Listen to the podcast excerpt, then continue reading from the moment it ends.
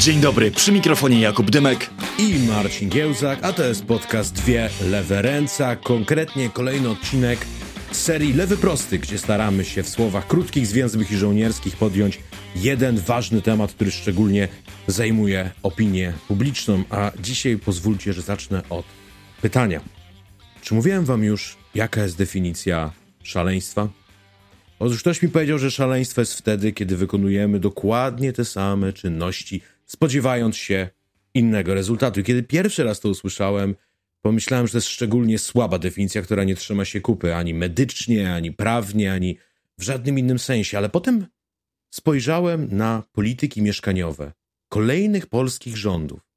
Rodzina na swoim, mieszkanie dla młodych, mieszkanie na start, pierwsze mieszkanie, zarówno w wersji PiS, jak i w wersji PO. I wtedy zdałem sobie sprawę, że ten człowiek miał rację. To jest dosłownie szalone. Dokładnie takie same programy, opierające się o te same założenia, przynoszące te same opłakane rezultaty, ale ciągle widzimy ministrów i posłów i senatorów i otaczających ich ekonomistów i dziennikarzy, którzy mówią: Nie, nie, nie, tym razem będzie inaczej. Nie, ten program jest inny niż pozostałe. Jak niedawno usłyszeliśmy z trybuny sejmowej, jest to nieco jak oglądać ludzi, którzy widząc pożar, biegną do niego z kanistrami z benzyną i jedni mówią 2% dołożymy do kredytu, innymi słowy, potrzeba jednego karnistra, żeby to zgasić, a inni powiadają nie, e, potrzeba dwóch karnistrów, w naszym przypadku to będzie 0%. Jeśli cokolwiek w tym wszystkim się zmienia, to zmienia się jedno i jest coraz gorzej. I niedawno, jak poinformował nas Eurostat, przekroczyliśmy magiczną granicę, tą, w której już 51%, ponad połowa dorosłych Polaków między 18 a 34 rokiem życia, młodych dorosłych Polaków mieszka z rodzicami. Czy w tym szaleństwie jest metoda? Pewnie jest, no bo w tych kolejnych programach Bankier Plus, Developer Plus, z całą pewnością ci silni, ci wpływowi, ci dobrze ustawieni i z dobrymi koneksjami cały czas zarabiają więcej, a mieszkań dla młodych, mieszkań dla ubogich, jak nie było, tak nie ma. No i cały czas ta instytucjofobia kolejnych rządów, ale chyba szczególnie mocno odżywająca się w PiSie, to znaczy systemowego rozwiązania znaleźć nie umiemy, no ale to może chociaż dołożymy parę groszy do czynszu, dołożymy parę złotych do kredytu, odzywa się raz jeszcze. Czy zgadzasz się, Jakubie, z taką definicją szaleństwa? Zgadzam się, no jak żeby inaczej, jak żeby inaczej mogło być.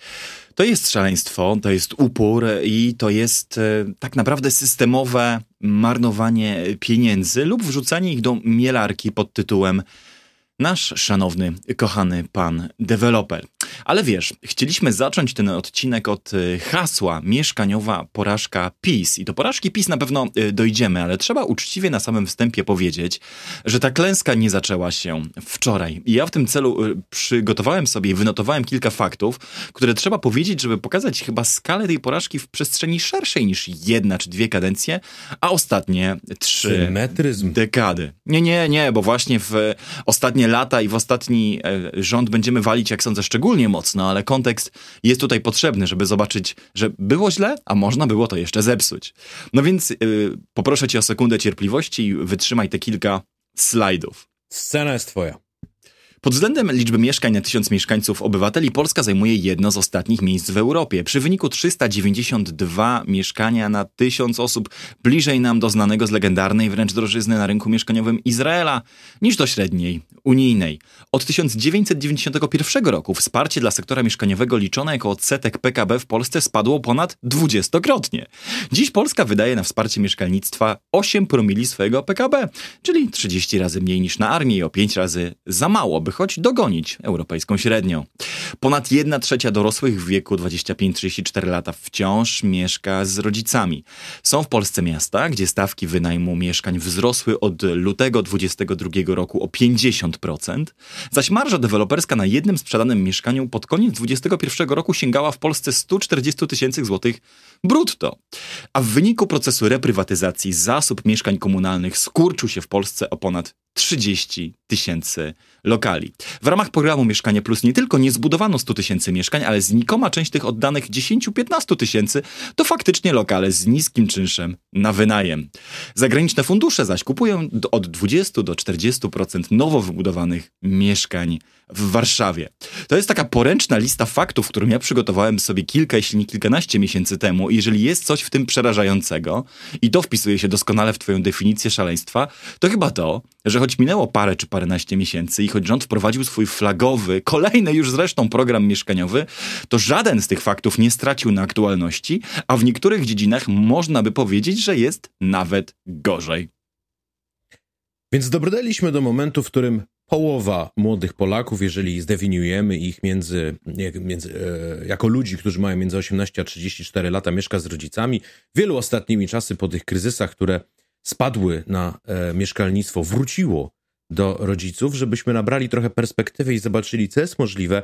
Mniej niż 4% Szwedów znajduje się w analogicznej sytuacji, a umówmy się, mniej niż 4% ludzi to może po prostu chcieć z różnych powodów mieszkać e, z rodzicami, ale to na pewno nie jest połowa ludzi. E, jednocześnie e, widzimy, że ten kryzys rozlewa się tak w ogóle na problemy społeczne, które mamy w Polsce i wzmacnia te, które już są, chociażby problem z dzietnością. Jak możemy oczekiwać, że młode pary będą chciały mieć dzieci i to więcej niż jedno dziecko optymalnie, żeby zapewnić następstwo pokoleń, jeżeli nie mamy dla nich mieszkań. Nie mówię już o całym szeregu innych, dużo subtelniejszych problemów, które to wytwarza. Frustracji, konfliktów, problemów na osi rodzice-dzieci, problemów na osi współmałżonkowi i rodzice, u których czasami mieszkają i o ile gorszy jest ten problem, im bardziej się oddalamy od największych miast. I kiedy Rzeczpospolita styka się z jednym z najpoważniejszych kryzysów, jakie tylko można sobie wyobrazić, ze swoim głodem mieszkaniowym, to co robi?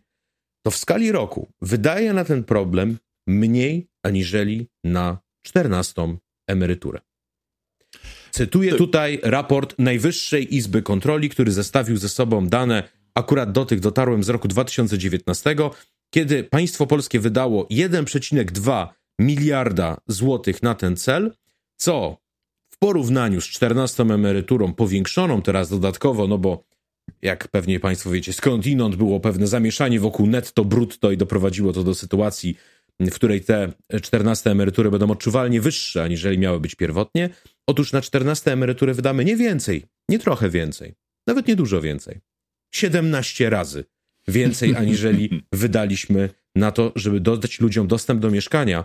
A Ale... mało, że jest to wielki problem społeczny, to tylko dopowiem jedną rzecz. Ostatnio e, często widzimy ludzi, którzy mówią o konstytucji, o tym, czy jak trzeba ją szanować. Widzę murale z konstytucją, widzę ludzi w koszulkach z napisem Otuła i resztę liter mogę już sobie E, dopowiedzieć.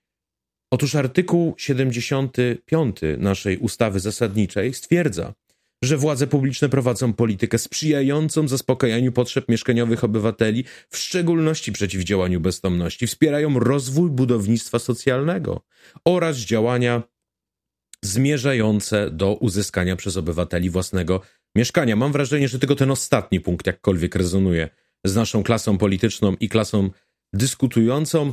Mm, I kiedy prowadzimy rozmowy całkiem jałowe o tym, czy mieszkanie jest prawem, czy towarem, to ja mówię, ta dyskusja się potwornie przeterminowała. Mieszkanie już nawet nie jest towarem, bo towar jest rzeczą, którą ktoś nabywa i używa jej zgodnie z przeznaczeniem tej rzeczy, jak to wynika bodaj z artykułu 5 kodeksu cywilnego. Nie, mieszkanie stało się instrumentem finansowym, stało się czymś, co się kupuje w celach spekulacyjnych, a nie czymś, co ma spełniać swoją podstawową rolę, to znaczy zapewniać ludziom dach nad głową i zapewniać rodzinom domy, i żeby oddać to jeszcze jedną liczbą, która powinna zmrozić wam krew w żyłach.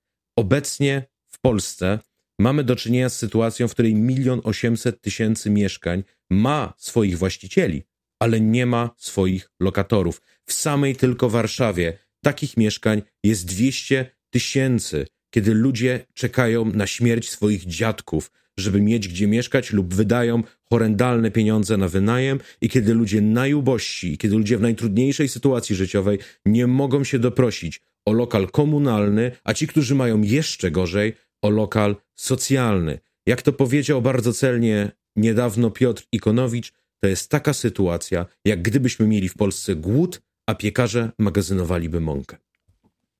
Tylko moment, w którym zdecydowaliśmy się o tym porozmawiać, nie jest przypadkowy. No, złośliwi powiedzieliby oczywiście, że rozmawiacie o tym dopiero teraz, bo nie chcecie krytykować PiSu. Ale nie, nie, nie. Moment nie jest przypadkowy. Otóż rozmawiamy o tym w tym e, momencie u schyłku lata 23 roku, dlatego że właśnie teraz spływają do nas pierwsze e, rzetelne dane na temat sukcesu, lub raczej braku sukcesu e, rządowego programu Kredyt 2%, bezpieczny kredyt 2%. Choć i tu powinienem ugryźć się w język. To jest sukces dla deweloperów, dla spekulantów i dla tych, którzy mogą e, na tym e, zarobić. To, że ceny mieszkań wzrosną wskutek wdrożenia tego programu, było tak naprawdę po naszej stronie dyskusji politycznej prawdą oczywistą i właściwie nie kwestionowaną. Mówili to tak zwani wszyscy I, i, i nie było sporu, ale ciekawsze, moim zdaniem, nawet rzeczy niż to, że ceny mieszkań wzrosły wskutek tego, że e, zaczęliśmy dopłacać do kredytów mieszkaniowych, e, są inne y, fakty, dane, i motywacje, które ujawniają najnowsze raporty. I tu posłużę się niedawnym wywiadem, arcyciekawym, nawet jeśli krótkim, z panem Jackiem Furgą, przewodniczącym Komitetu do Spraw Finansowania Nieruchomości Mieszkaniowych Związku Banków Polskich, współautorem raportów AMRON. Długa, e, długa nazwa, e, a rozwinięcie samego skrótu AMRON e, to już zostawię sobie na później, choć sam raport AMRON Safin też jest ciekawy. Pan Jacek Furga otóż w swoim wywiadzie dla Interi Business zaczyna tak. Ponad połowa wnioskujących o kredyt 2% to single, którzy kupują to, co jest do kupienia, a nie mieszkanie, które by chcieli. To raczej nabywanie inwestycyjne, tylko dlatego, że przysługuje tani kredyt.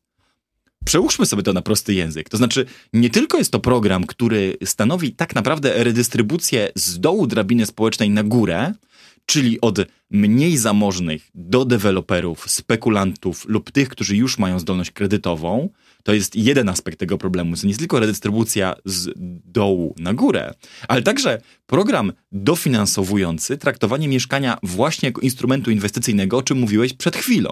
Znaczy, bardziej postawionej na głowie piramidy potrzeb trudno byłoby sobie wyobrazić, bo jeżeli jest jakaś jedna grupa, która w Polsce naprawdę nie potrzebuje dodatkowego wsparcia, to są ludzie, którzy postanowili traktować nieruchomości jako czarne złoto i na nich zarabiać. A to właśnie robi w tym kształcie ów program. W tym wywiadzie pojawia się jeszcze jedna ciekawostka. Nie wiem, czy o tym słyszałeś. Mnie naprawdę zagotowała się krew, kiedy się o tym dowiedziałem. Otóż, że powstał pewien sprytny trik na to, jak wyposażyć e, swoje dziecko w nieruchomość przy pomocy państwa. Otóż zatrudnić je na fikcyjnym etacie w rodzinnej spółce z bardzo wysokim wynagrodzeniem, co podwyższy kredytobiorcy zdolność kredytową i umożliwi ubieganie się o droższe mieszkanie w ramach e, dofinansowywanego przez państwo kredytu 2%. Kumasz to, co się stało? Tyle jeżeli jest, jakaś, jeżeli jest jakaś innowacja, której, którą może pochwalić się w tej dziedzinie i Polska, i rząd Prawa i Sprawiedliwości, to jest to chyba wymyślenie najbardziej innowacyjnego modelu spekulacji nieruchomościami e, na świecie i jedynego takiego, za który e, ubożsi dopłacają tym zamożniejszym. Tyle wygrać, bo wiesz, ja oglądałem, e, czy przysłuchiwałem się raczej, bo ona jest w formie audio, debacie na temat mieszkań, w której brał udział już cytowany przeze mnie Piotr Ikonowicz, który wdał się w wymianę zdań z ekonomistką, która specjalizuje się w obszarze mieszkalnictwa i rynku mieszkaniowego i która w pewnym momencie użyła argumentu, że no, pan odwołuje się bezustannie do emocji, opowiada jednostkowe historie o pani Irenie z Warszawy albo panu Krzysztofie z Poznania, którzy stracili dach nad głową, którzy nie mogli doprosić się o mieszkanie socjalne, a ja skupiam się na liczbach. No co Piotr Ikonowicz powiedział, to ja dam pani liczbę 10%. 10% to jest odsetek obywateli polskich, których stać na to, którzy, których stać na to, żeby posiadać zdolność do wzięcia kredytu hipotecznego. Innymi słowy, te e, programy stworzone są z myślą o 10% ludzi, którzy a albo już mają mieszkania i absolutnie tego programu nie potrzebują, e, albo b e, mają taką zdolność, ale nie biorą tego kredytu z innych powodów. E, i czy to będzie 2%, czy to będzie 0%, nie wpłynie w sposób wydatny na ich potrzeby. No i oczywiście jest to wspieranie strony popytowej, to znaczy tego, żeby ludzie chcieli brać kredyt, kupować mieszkania, kiedy absolutnie każdy ekonomista i każdy ekspert, który zabrał w tej sprawie głos, kiedykolwiek mówi, że naszą, naszym problemem jest strona podażowa i że aż trudno uwierzyć, że w sytuacji, w której z różnych powodów, w czasach trudnych i kryzysowych, deweloperzy nie budują odpowiedniej ilości mieszkań, że nie chce tego robić państwo, bo moment po prostu wydaje się wymarzony, wydaje się też wymarzony nawet z najbardziej cynicznego możliwego punktu widzenia, mm, e, to znaczy w momencie, w którym e, przybywają do Polski, czy przybywały duże ilości obywateli Ukrainy, kiedy trzeba było się tym zająć i w momencie, w którym zapasem są wybory. No więc też można było sobie wyobrazić, że rząd powie, patrzcie, podwinęliśmy rękawy, jest kryzys, my stawiamy temu kryzysowi czoła. Nie jest to żaden komunizm, żaden przesadny interwencjonizm państwowy, jest to po prostu rozwiązywanie problemu Polaków i jest to rozwiązywanie problemu Ukraińców, których w Polsce z rozlicznych przyczyn, od humanitarnych po geopolityczne, chcemy porządnie ugościć. E, rząd nawet w takiej sytuacji się na to nie zdecydował, chociaż e, mogę zaryzykować tezę, że gdyby zbudował jakikolwiek ułamek e, sensowny liczby mieszkań, które dwie dekady temu obiecał Kazimierz Marcinkiewicz, on wtedy mówił o trzech milionach, to właśnie kupiłby sobie tę trzecią kadencję. Być może. Pamiętajmy, że żaden rząd tak naprawdę nie byłby przygotowany na, odpo na odpowiedź na to, co wydarzyło się po 24 lutego, ponieważ no, nie ma państwa, które byłoby w stanie zasymilować y, ponad milion y, obywa obywateli innego państwa na rynku mieszkaniowym bez żadnych zawirowań i kłopotów, tym bardziej w sytuacji, w której ci nowo przybyli no, siłą rzeczy kierują się już do tych najdroższych i najbardziej popularnych metropolii.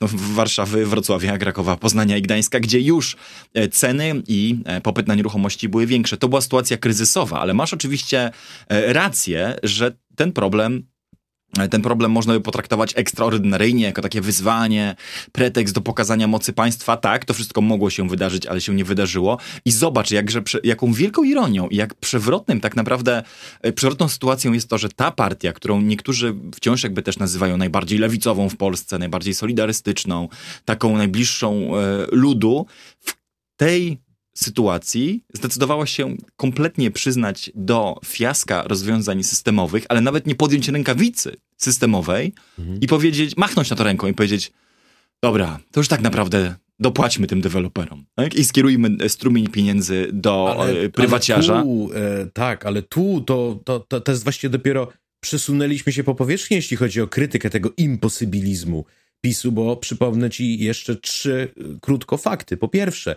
czy pamiętasz, jak Jarosław Kaczyński mówił, że program Mieszkanie Plus się nie udał, bo spółki Skarbu Państwa, które PiS kontroluje, nie chciały oddać gruntów? To jest dopiero imposybilizm, to jest dopiero petryfikacja. Czy pamiętasz, kiedy Jarosław Kaczyński mówił, że trzeba pomniejszy za zasób mieszkań, które mają gminy i że na przykład mieszkania komunalne można sprywatyzować w taki sposób, żeby ludzie mogli wejść w ich posiadanie w jakiejś zadziwiającej próbie przechwycenia elektoratu nie wiem kogo, chyba Konfederacji już tylko. To znaczy te marne, śmieszne, kompletnie niewystarczające ilości lokali komunalnych, które mamy i które są nam niezbędne, żeby ludzie, którzy są w trudnej sytuacji życiowej, mogli dostać mieszkanie, gdzie czynsz jest poniżej cen rynkowych. Nawet to miało być zabrane, póki co to się jeszcze nie stało.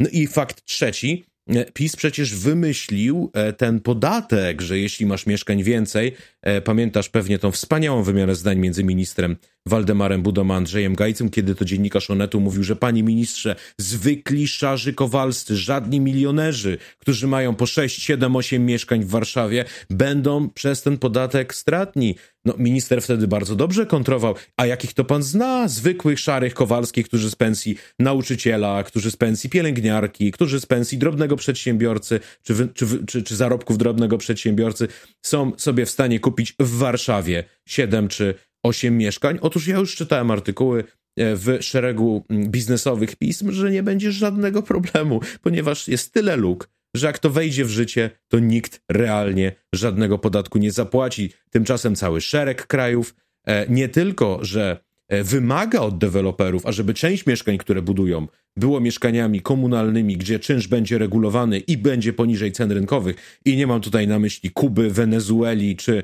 Korei Północnej, mam tutaj na myśli takie kraje jak Anglia, jak Francja, jak Hiszpania czy jak Austria, a równocześnie cały szereg miast e, bardzo poważnie ogranicza e, ludzi w możliwości posiadania wielu mieszkań. Patrzę tu chociażby w stronę Barcelony. Czemu Polska nie miałaby zrobić tego samego i powiedzieć, możesz mieć drugie i trzecie mieszkanie, jeśli chcesz, ale my zastosujemy podatek, który ma zniechęcać przed lokowaniem kapitału, w tym co nieproduktywne, w tym co rentierskie. Idź i inwestuj pieniądze w to, co bardziej się przysłuży innowacyjności, gospodarce narodowej, tworzeniu miejsc pracy, etc. Względnie stwórzmy jakieś inteligentne rozwiązanie, że jeśli ktoś chce kupić mieszkanie dla swoich dzieci, to na przykład przez kilka lat tego podatku nie płaci od drugiego mieszkania, a zaczyna płacić w innym momencie. Naprawdę wystarczy dobrze się rozejrzeć po Unii Europejskiej, żeby znaleźć kraje, które rozwiązania już wypracowały, a nawet wystarczy spojrzeć w naszą historię.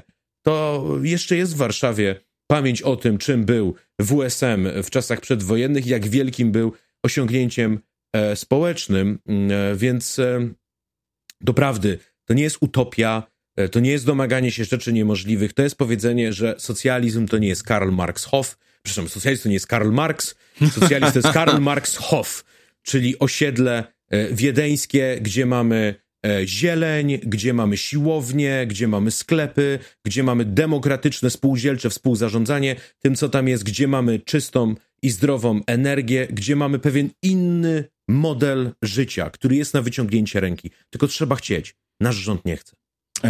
Co więcej, wielkim paradoksem jest to, że to, co blokuje ten rząd przed podjęciem sensownych kroków zmierzających do uregulowania rynku mieszkaniowego, to coś, co byśmy w największym stereotypie zarzucili zawsze e, neoliberałom i wolnorynkowcom. Otóż boją się oni uregulować cokolwiek, co ma coś wspólnego z prywatną własnością i dowolnym e, obrotem właśnie. To znaczy, jakakolwiek, sam pomysł nawet, że można by w Polsce uregulować to, na jakich zasadach właściciele mieszkań mogą narzucać najemcom podwyżki, budzi w Polsce zgrozę. Bo jakże tu ingerować w umowy między, e, między dorosłymi ludźmi? No przecież to jest komunizm. Jakże tu zabronić komuś kupowania piątego, siódmego, dziesiątego i piętnastego mieszkania? No przecież on tylko e, inwestuje. No świetnie, przecież PKB, PKB od tego rośnie. Jakże można by powiedzieć funduszom międzynarodowym, tym wielkim międzynarodowym korporacjom, które PiS miał tak zwalczać, że nie mogą sobie hurtem kupować mieszkań w jakimś e, dużym polskim mieście i podpisywać z deweloperami umów, które kształtują rynek tak, że ci deweloperzy już budują właściwie tylko pod jakiś wielki fundusz, e, który ma sobie tym e, zarządzać, a nie pod to, aby te mieszkania trafiły na rynek. No i nie można przecież, no to świetne zagraniczne firmy zachodnie, no któż by śmiał podnieść na nie rękę i tak dalej. Tu jest kwita wielka ironia, że władza, która dochodziła w Polsce do największych wyborczych sukcesów właśnie na hasłach, wzięcia za twarz zagranicznego kapitału, pokazania spekulantom, gdzie ich miejsce, renacjonalizacji kluczowych gałęzi gospodarki, odpowiadania na problemy Polaków, wykazuje się kompletną bezradnością właśnie w tej dziedzinie e, postawienia tamy, czy powiedzenia po prostu nie wielkim podmiotom zagranicznym, yy, zamożnej i niezwykle wpływowej branży deweloperskiej, ale nawet tym drobnym spekulantom, tym tak naprawdę, znaczy ludziom niezwykle bogatym z mojej czy twojej perspektywy, ale tak naprawdę detalistom, to znaczy ludziom, którzy e, postanowili kupić sobie e, kawalerkę albo dwie i zostać z tego tytułu e, rentierem. A należałoby się z tym zmierzyć. Należałoby powiedzieć, że w interesie nas wszystkich, ale tak, tak naprawdę szerokiej polskiej klasy średniej jest to, by mieszkania w Polsce przestały być tym betonowym złotem i stały się z powrotem miejscem, gdzie się mieszka. Co ciekawe, i to ostatnia dygresja i uwaga y, z mojej strony, może zanim przejdziemy jeszcze do pewnych prób rozwiązań czy, czy jakichś postulatów, bo to też się musi choćby skrótowo pojawić, to jest też bardzo ciekawy moment, w którym yy, lewicowcy i liberałowie tak naprawdę mogliby sobie podać w Polsce ręce, ponieważ jeden z powodów, dla których w Polsce rynek kapitałowy jest tak niedorozwinięty i jeden z powodów, dla których Polacy też nie, inwest- nie, nie oszczędzają, przepraszam, ale też nie inwestują właśnie. Nie inwestują też, tak. E, to jest przekonanie, że pierwsze, co można zrobić z dowolną kwotą gotówki, ze spadkiem, z jakąś e, lepszą sytuacją finansową, jaką się ma w rodzinie, to jest kupić klocek natychmiast dziecku, wnukowi, sobie, na wynajem, Ukraińcom, studentom, kupować, kupować, kupować w jak najgorszym standardzie, byle gdzie, w szczerym polu, ale kupować, żeby się zabezpieczyć, bo mieszkanie zawsze będzie drożeć, e, a wszelkie, to jest też ciekawe, a wszelkie e, fluktuacje, wszelkie niekorzystne okoliczności, wszelkie wzrosty koszty utrzymania albo na przykład e, rosnące raty kredytów w związku z podwyżką stóp procentowych i tak przerzuci rzuci się na najemcę, bo nikt tego nie zabrania. I to się w Polsce dzieje. Otóż stworzono w Polsce z mieszkania, e, szczególnie mieszkania w dużym, atrakcyjnym mieście, takiej instrument inwestycyjny zerowego ryzyka. To znaczy zawsze znajdą się chętni, żeby je e, wynająć e, i zawsze ewentualną podwyżkę będzie można na kogoś przerzucić. To skutkuje Zerowego bardzo... I szybko spieniężalny, tak? To nie są obligacje Skarbu Państwa, gdzie czekasz.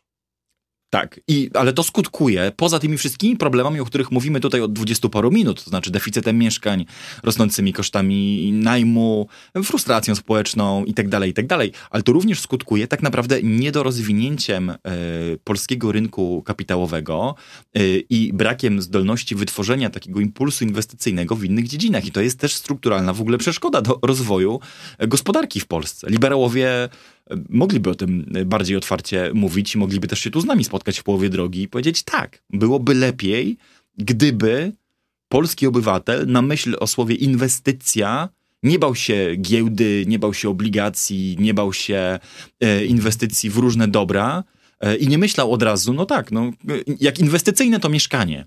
Bo być może zaraz dojdziemy do sytuacji, w której naprawdę y, mieszkanie inwestycyjne z tego neologizmu stanie się tak naprawdę pierwszym i oczywistym synonimem słowa mieszkanie właśnie. To znaczy to, to będzie coś, e, w co się e, inwestuje.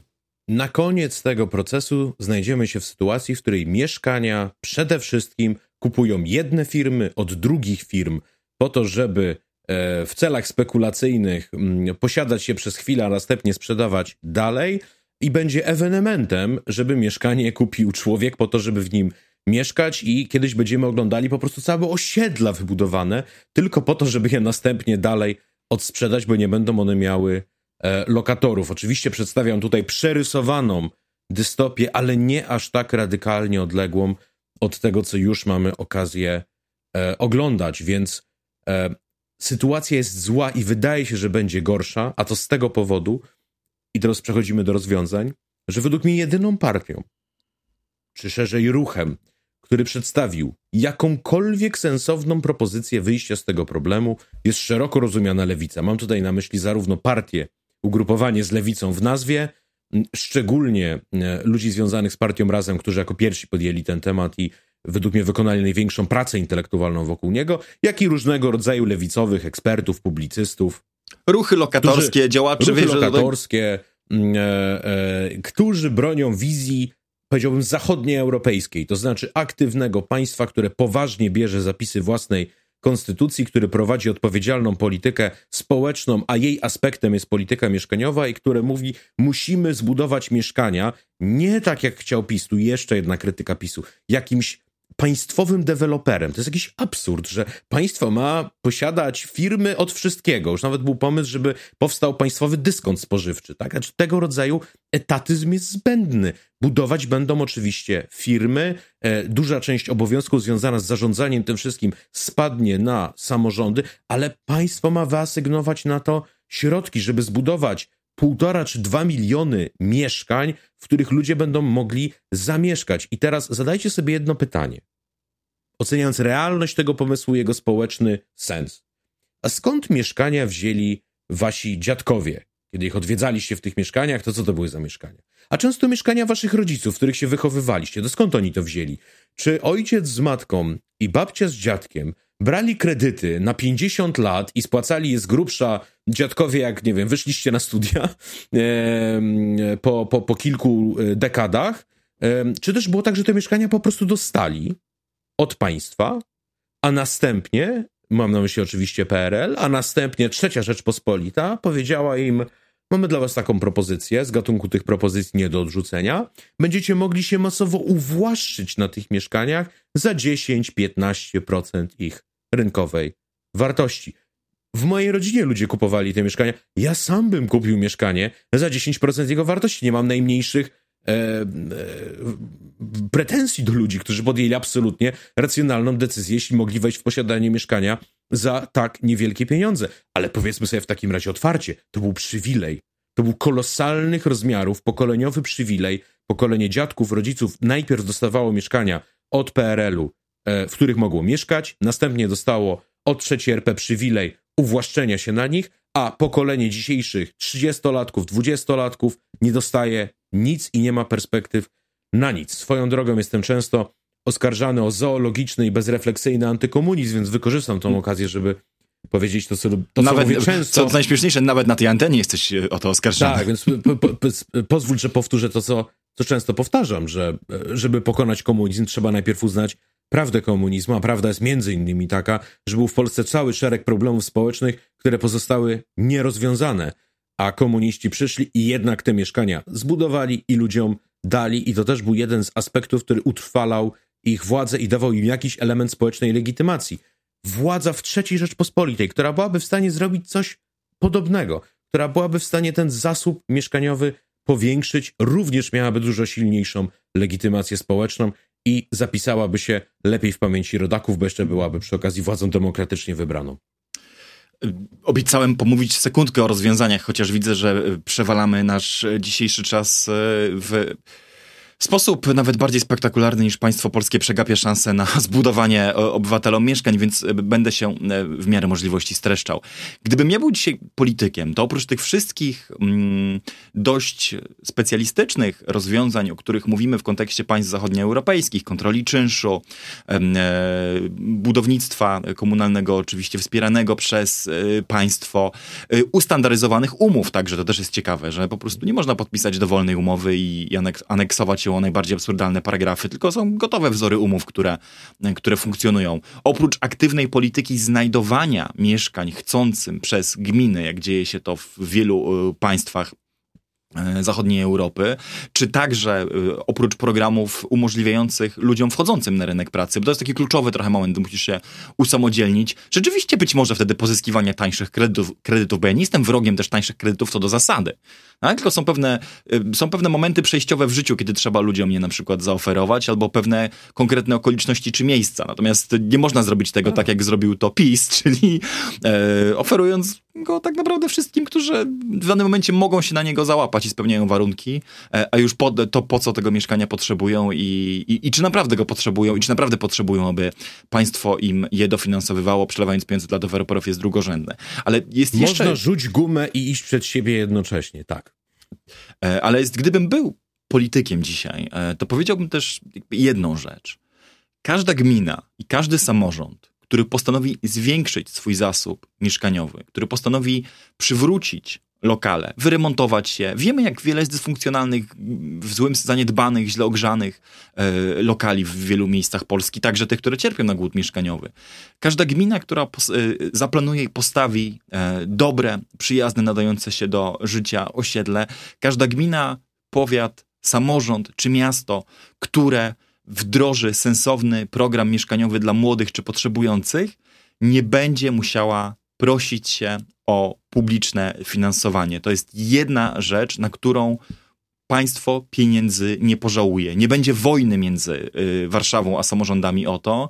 Nie będzie y, obcinania środków tym y, samorządom, które w danym momencie są pisowskie albo platformerskie. Nie będzie kolesiostwa i kierowania tych środków tylko tam, gdzie rządzą zaprzyjaźnieni z nami, tylko będzie naprawdę bardzo wolontarystyczny, szeroki program, który mówi jakby włodarzu, bo to też musi dziać na relatywnie niskim poziomie. Mówi włodarzu, burmistrzu, wójcie, panie prezydencie dużego miasta, jeśli potrafisz budować, jeśli masz na to pomysł, jeśli wiesz, jak przywrócić mieszkańcom także centra tych miast, które też coraz częściej stają się po prostu zgentryfikowanymi alejami dla banków, e, sieciowych kawiarni i e, restauracji typu fast food, to my ci w tym, to my ci w tym pomożemy.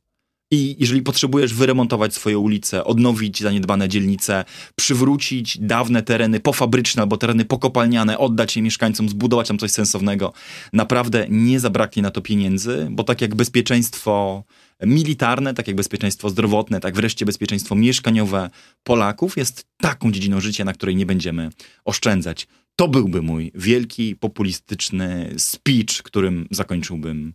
E, wszystkie partyjne wojny w Polsce i otworzył nową, wspaniałą erę publicznego budownictwa. W tym ostatnim aspekcie oczywiście odrobinę żartuję, ale moim zdaniem od tego mogłaby się zacząć również poważna e, rozmowa. Oprócz oczywiście A. tych wszystkich regulacji, o których rozmawiamy. A ja bym się pod tym obiema rękami podpisał i dodałbym tylko jedną rzecz. Pamiętajmy o lokalach socjalnych. One również są bardzo potrzebne. One również są zobowiązaniem nałożonym na rząd przez naszą ustawę zasadniczą. I ilekroć widzimy osobę w kryzysie bezdomności, która jest tam, gdzie jest, dlatego, bo nie ma dla niej lokalu socjalnego, w którym tymczasowo mogłaby się zatrzymać, zanim nie znajdzie dla siebie innej drogi, to miejmy w pamięci, bracia i siostry, e, towarzysze i przyjaciele, panie i panowie z klasy średniej, że nas od tego, żeby do tej osoby dołączyć, oddziela jedna rata. Mówił Marcin Giełzak, ja nazywam się Jakub Dymek i to był program Dwie lewe ręce w formule lewy prosty. Jeżeli podoba się wam ta formuła i inne rodzaje odcinków oraz konwencje programów, które sukcesywnie wprowadzamy do naszego repertuaru, to pomóżcie nam je tworzyć. Zajrzyjcie na patronite.pl ukośnik DLR. Link znajdziecie także oczywiście w opisie do tego odcinka i wybierzcie jeden z progów wsparcia, który pomoże tworzyć nam więcej odcinków, nowe formuły i poruszać jeszcze więcej tematów, takich jak ten. Bo mamy wrażenie, że mieszkaniówka to wciąż, mimo tego, że jest o niej oczywiście głośno, coś, o czym powinniśmy rozmawiać w polskich mediach jak najszerzej i jak najczęściej. A tymczasem dziękujemy za Waszą uprzejmą uwagę. I dziękujemy i żegnamy się tradycyjnym. Do usłyszenia niebawem.